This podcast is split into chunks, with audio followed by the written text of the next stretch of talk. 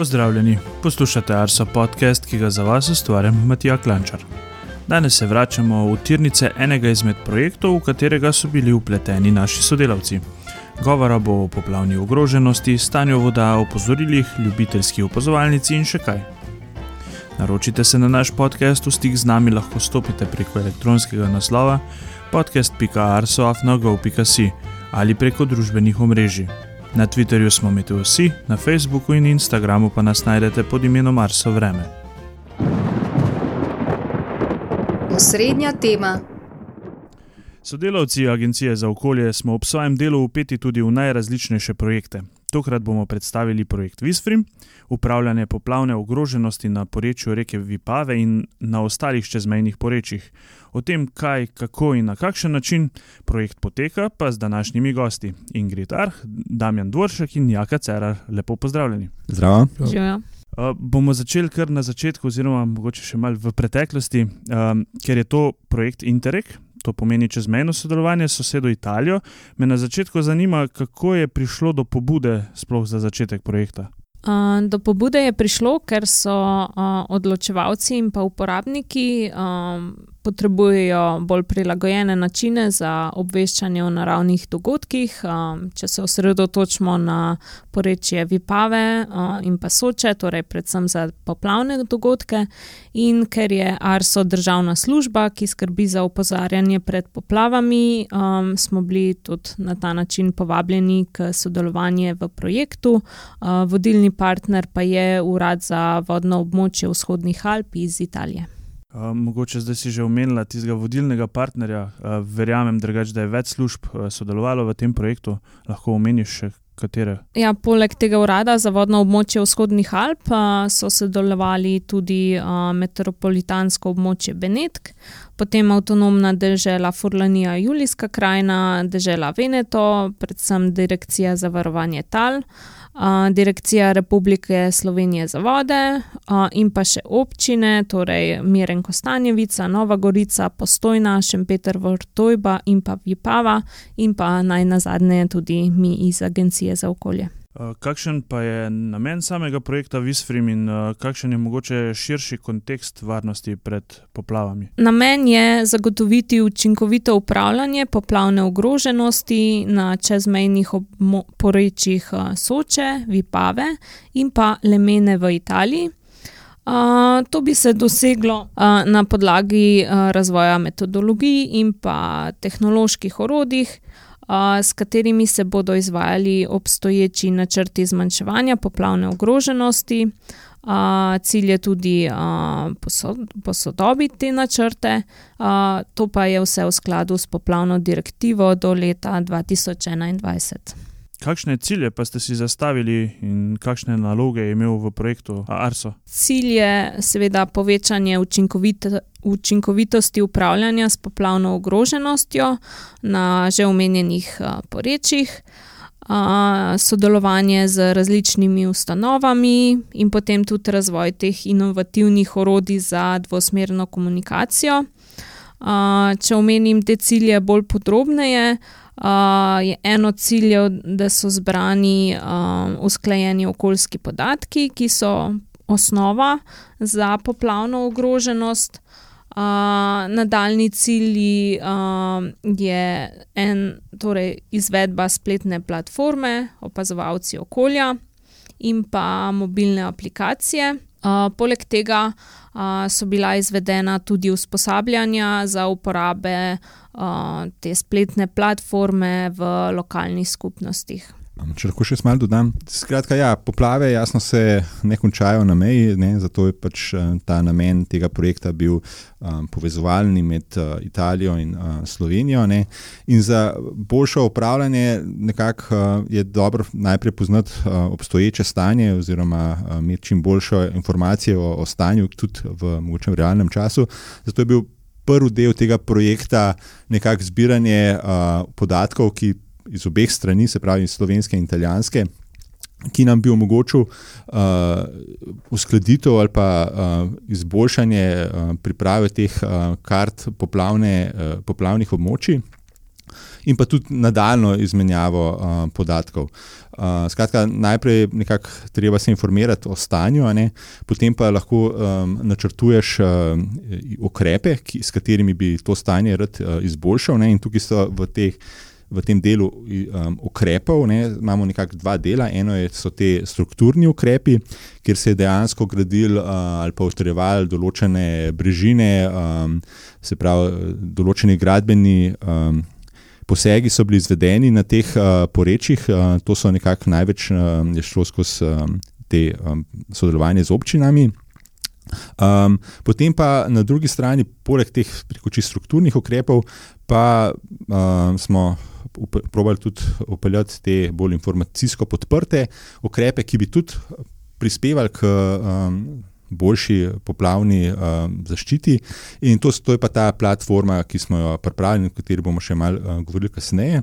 Um, to, te nestrukturne ukrepe tudi uh, zelo spodbuja uh, sama uh, Evropska skupnost oziroma komisija ne, in uh, skozi te uh, projekte pač uh, dodatno nagrajuje. Um, um, projekte, ki, ki imajo vključene te, bi rekel, um, ukrepe, ki so nekako bolj informacijsko podprti, kjer probajo ne samo um, informirati znanost, ampak tudi aktivirati, uh, inf, informirati um, se pravi, um, ljudi, ampak jih tudi vključiti, um, jih aktivirati, da tudi oni lahko nekaj prispevajo za svojo varnost. Ingrid je že omenila uh, mobilno aplikacijo.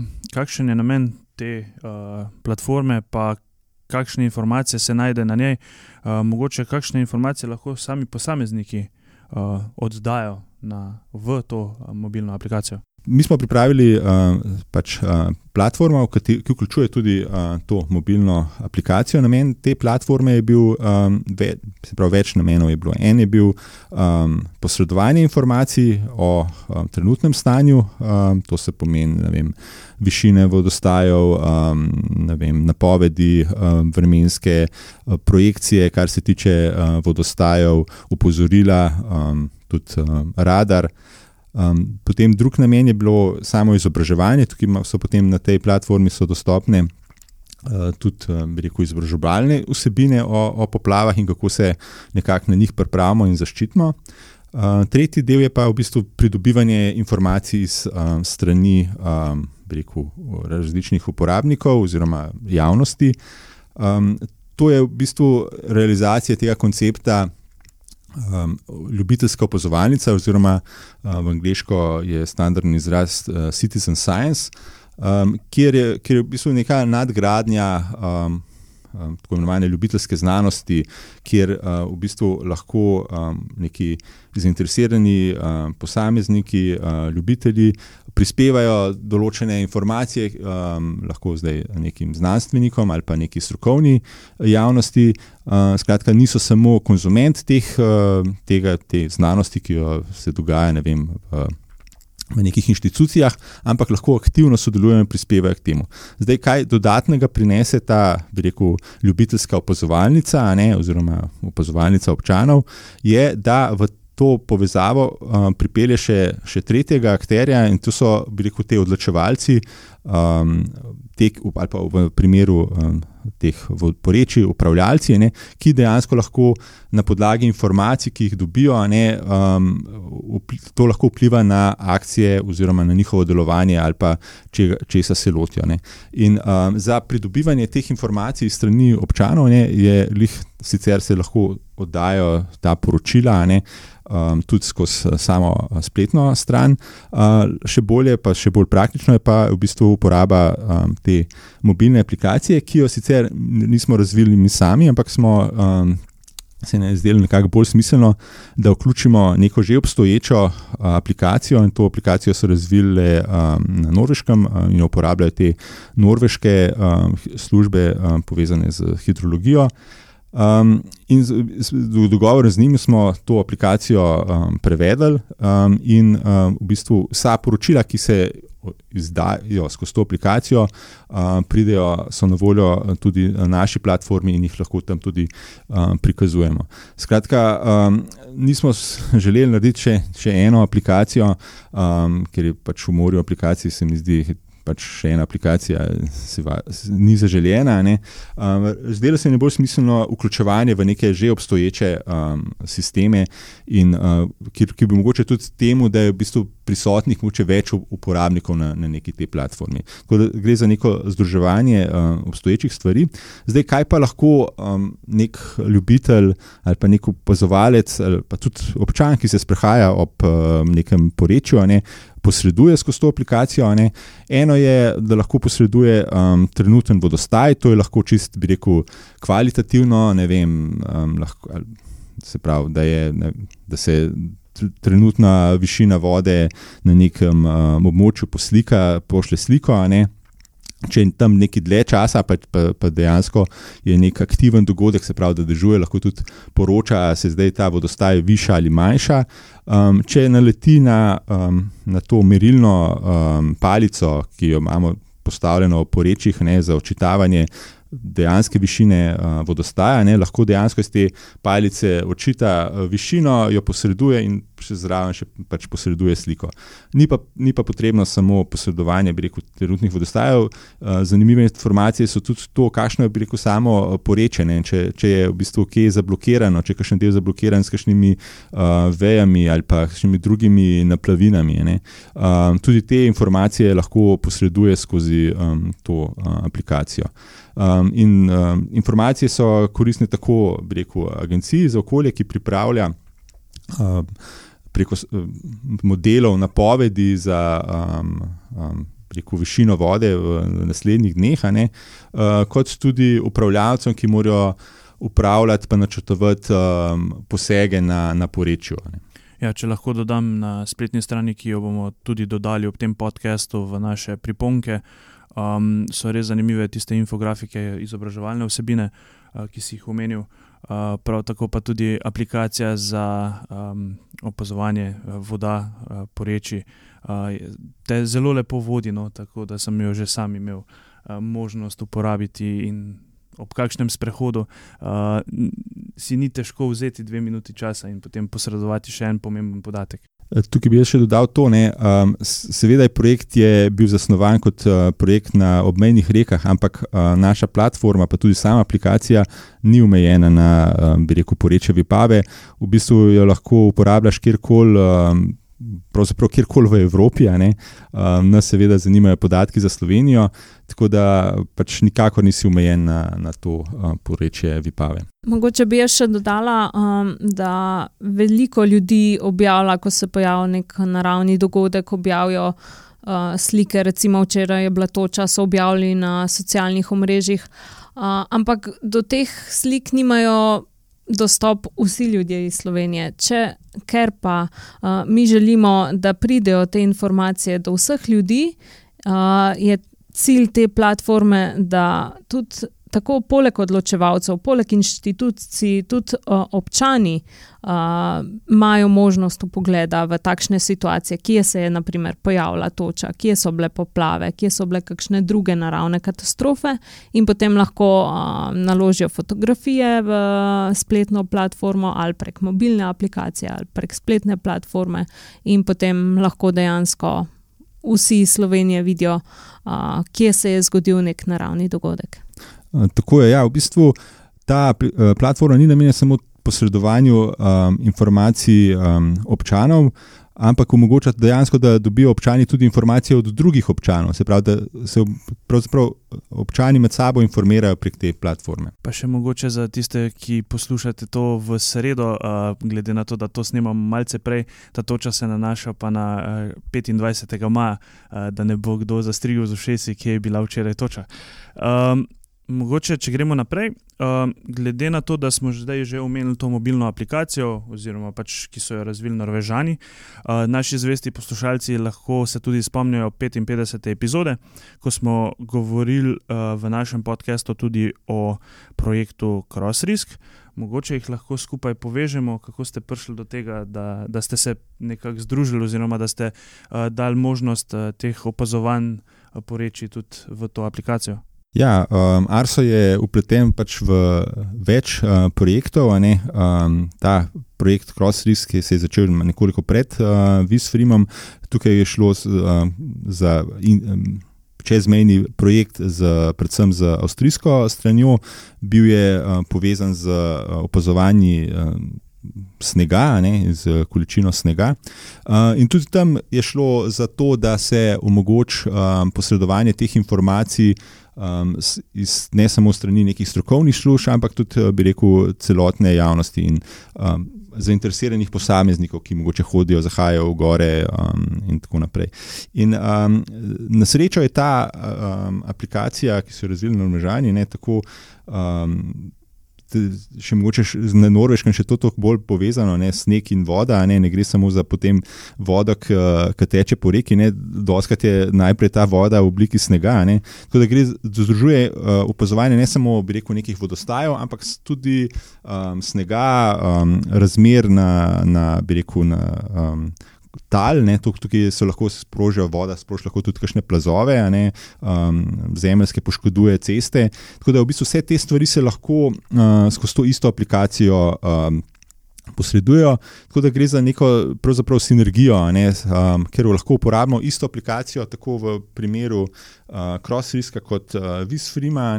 Um, lahko v bistvu je ta š, nabor uporabnikov um, širši, ne, te skupine uporabnikov niso med sabo ločene, ampak v bistvu posredujejo lahko zelo različne uh, informacije skozi isto aplikacijo, in um, potem jasno se te informacije se prikazujejo na, na platformah, ki so namenjeni določeni uporabi, ampak um, posredovanje ali pa sodelovanje javnosti pa je, bi rekel, olajšano na ta način, da, da se v bistvu uporablja ista. Um, Aplikacija in tukaj mislim, da je neka sinergija. Zdaj, takšna platforma oziroma mobilna aplikacija pa ne pade samo čisto iz neba, zato se je potrebno kdaj tudi mogoče malce bolj tehnično vprašati, kaj sploh uh, zadaj uh, je potrebnega, da to pride. In tukaj bomo vključili Jako, ki je bil razvijalec te spletne platforme. Lahko na kratko razložiš, kako, sploh, kako si se lotil tega projekta, oziroma kako je prišlo do tega potem. Um, ja, um, tako kot vsaka moderna uh, spletna stran, tudi uh, ta naša Visvim uh, platforma um, predvideva večnivojsko arhitekturo. Um, torej, prva stvar, ki jo obiskovalec strani vidi, je ta predstavitveni nivo, um, ki jo pri nas predstavlja enostranska spletna aplikacija, po angliško Single Page Application. Um, seveda pa potrebuje v bistvu vsaka, kolikor toliko koristna uh, spletna stran, tudi podatke, uh, ki pa jih uh, zagotavlja zaledni oziroma podatkovni nivo. Um, no, in v okviru tega pač je prva naloga, da zagotavlja ta um, enovit uh, uporabniški umestnik, torej programski umestnik, um, prilagojen za konkretno spletno stran. Um, Pri nas je recimo um, vrsta nek nekih podatkov iz uh, zunanjih verov, v smislu uh, hidroloških, meteoroloških podatkov, um, podatkov o intervencijah, spin in tako naprej. Uh, um, ki so v različnih formatih, um, ne nujno uh, najbolj primernih za uvrstitev na to našo stran. In se pravi, to je prva naloga, ne, da, da transformiramo te podatke v nekaj, kar je čim lažje uh, pretvoriti v, v neko človeško, brljivo obliko na ekranu. Um, drug del je pa um, to zbiranje uh, podatkov o opazovanih občanov. Um, ta del smo pa nekako še malo ločili od vsega skupaj in uh, poimenovali podatkovno vozlišče. Um, in osnova tukaj je, da predvidevamo različne vere za, za ta opozovanja, in je vse skupaj narejeno, da je čim bolj razširljivo. Se pravi, da uh, lahko zelo enostavno dodajamo nove podatkovne vire. Zdaj, um, prej je bila že omenjena aplikacija Regops, um, poleg te pač omogočamo še vnos skozi samo spletno stran. Um, ampak kot rečeno, je pa uh, tukaj zelo uh, odprta arhitektura, da omogoča še v prihodnosti uh, nove vire. Kljub vsemu na koncu lahko rečemo, drugač, da ogromno dela je tudi zadaj, ki se ga ne vidi, in ga potem uporabniki z, z lahkoto izkoriščamo potem, ne, na spletni strani, ko jo uporabljamo. Um, mogoče za konec pogledamo še malce v prihodnost, uh, glede na to, da se ta projekt uh, Visfrim uh, zaključi konec meseca junija. Boste s kakšnimi nalogami še nadaljevali, se to potem konča, bomo lahko uporabniki še naprej uporabljali to spletno platformo? Ja, seveda, s koncem uh, projekta se ne bo uh, ukinila platforma, ampak uh, bo naš cilj agencije uh, predvsem promocija te spletne platforme. Prav tako se bodo izvajali še različni popravki, izboljšave. Uh, še nekaj prevodov je potrebnih v italijanski jezik. Uh, in ja, predvsem upamo, da boste to platformo in uh, mobilno aplikacijo uporabljali. Tako je, ja, tudi jaz vse poslušalce uh, jih povabim uh, k uporabi te aplikacije. Vse linke bomo tudi dodali v podkastu. Uh, na tem mestu se pa vsem vam tudi zahvaljujem za vaš čas, pa za to, da ste lepo povzeli v bistvu delo zadnjih nekaj let na tem projektu. Hvala. Hvala. Hvala obeti. Kakšen bo začetek meteorološkega poletja, vam bo predstavil Brane Gregorčič. Mesec maj se je zaključil z nekaj svežimi dnevi, a mesec kot celota je bil pravzaprav zelo topel, kar okoli 5 stopinj toplejši od lanskega hladnega in deževnega maja. S 1. junijem se na severni polobli začenja meteorološko poletje, tudi pri nas lahko v naslednjih dneh iz dneva v dan pričakujemo više temperature predvsem od četrtka do nedelje ali ponedeljka, 6. junija, bodo popodanske temperature občasno lahko tudi presegale 30 stopinj. A ker se bodo marsikje pojavljale krajovne nevihte, verjetno pogoji za vročinski val ne bodo povsod izpolnjeni. V notranjosti Slovenije govorimo o vročinskem valu takrat, ko srednja dnevna temperatura tri dni zapored preseže 24 stopinj kar se ponavadi približno ujema z najvišjimi dnevnimi temperaturami nad 30 stopinj. Kot že omenjeno, bo tip vremena v naslednjih dneh zgodnje poletni. Zaradi razmeroma visoke zračne vlage in močnega junijskega sonca bodo po dokaj sončnih dopoldnevih, popovdne in zvečer v pregretem ozračju tu in tam nastajale nevihte. V sredini prihodnjega tedna se bo ozračje nad nami predvidoma nekoliko ohladilo, tip vremena pa bo postal še nekoliko bolj nestanoviten. Kakšne hude vročine in izrazitejšega sušnega obdobja, torej vsaj do 10. junija, še ne pričakujemo. Vremenske zanimivosti. Za konec je oglejmo vremenske zanimivosti meseca maja. Prvič letos smo izmerili temperature nad 30 stopinjami Celzija. Najvišja se je temperatura povzpela 20. maja v Črnomlju, ko je termometer pokazal 32,3 stopinje Celzija. Najnižjo temperaturo smo izmerili v zadnjem tednu na Kredarici, ko je 30. maja bilo minus 5,2 stopinje Celzija. Tokrat je bil najhitrejši sunek vetra izmerjen v podnanosu, burja je pihala sunki do 115 km/h. Največjo količino padavin v enem dnevu smo izmerili 2. maja v Krškem, ko je padlo 91,6 mm padavin. Poglejmo še k najbolj sončnim postajam meseca maja. Postaja na letališču v Portorožu je skupaj beležila 272 ur in pol sonca, najbolj sončen dan pa je bil 19. maj, ko je na listi sonce sjalo 14 ur in 26 minut. Z vremenskimi zanimivostmi smo 82. epizodo Arso podcasta pripeljali do konca. Hvala vam za vse odzive, kritike in poslušanja, želim vam obilo lepega vremena in se slišimo čez 14 dni.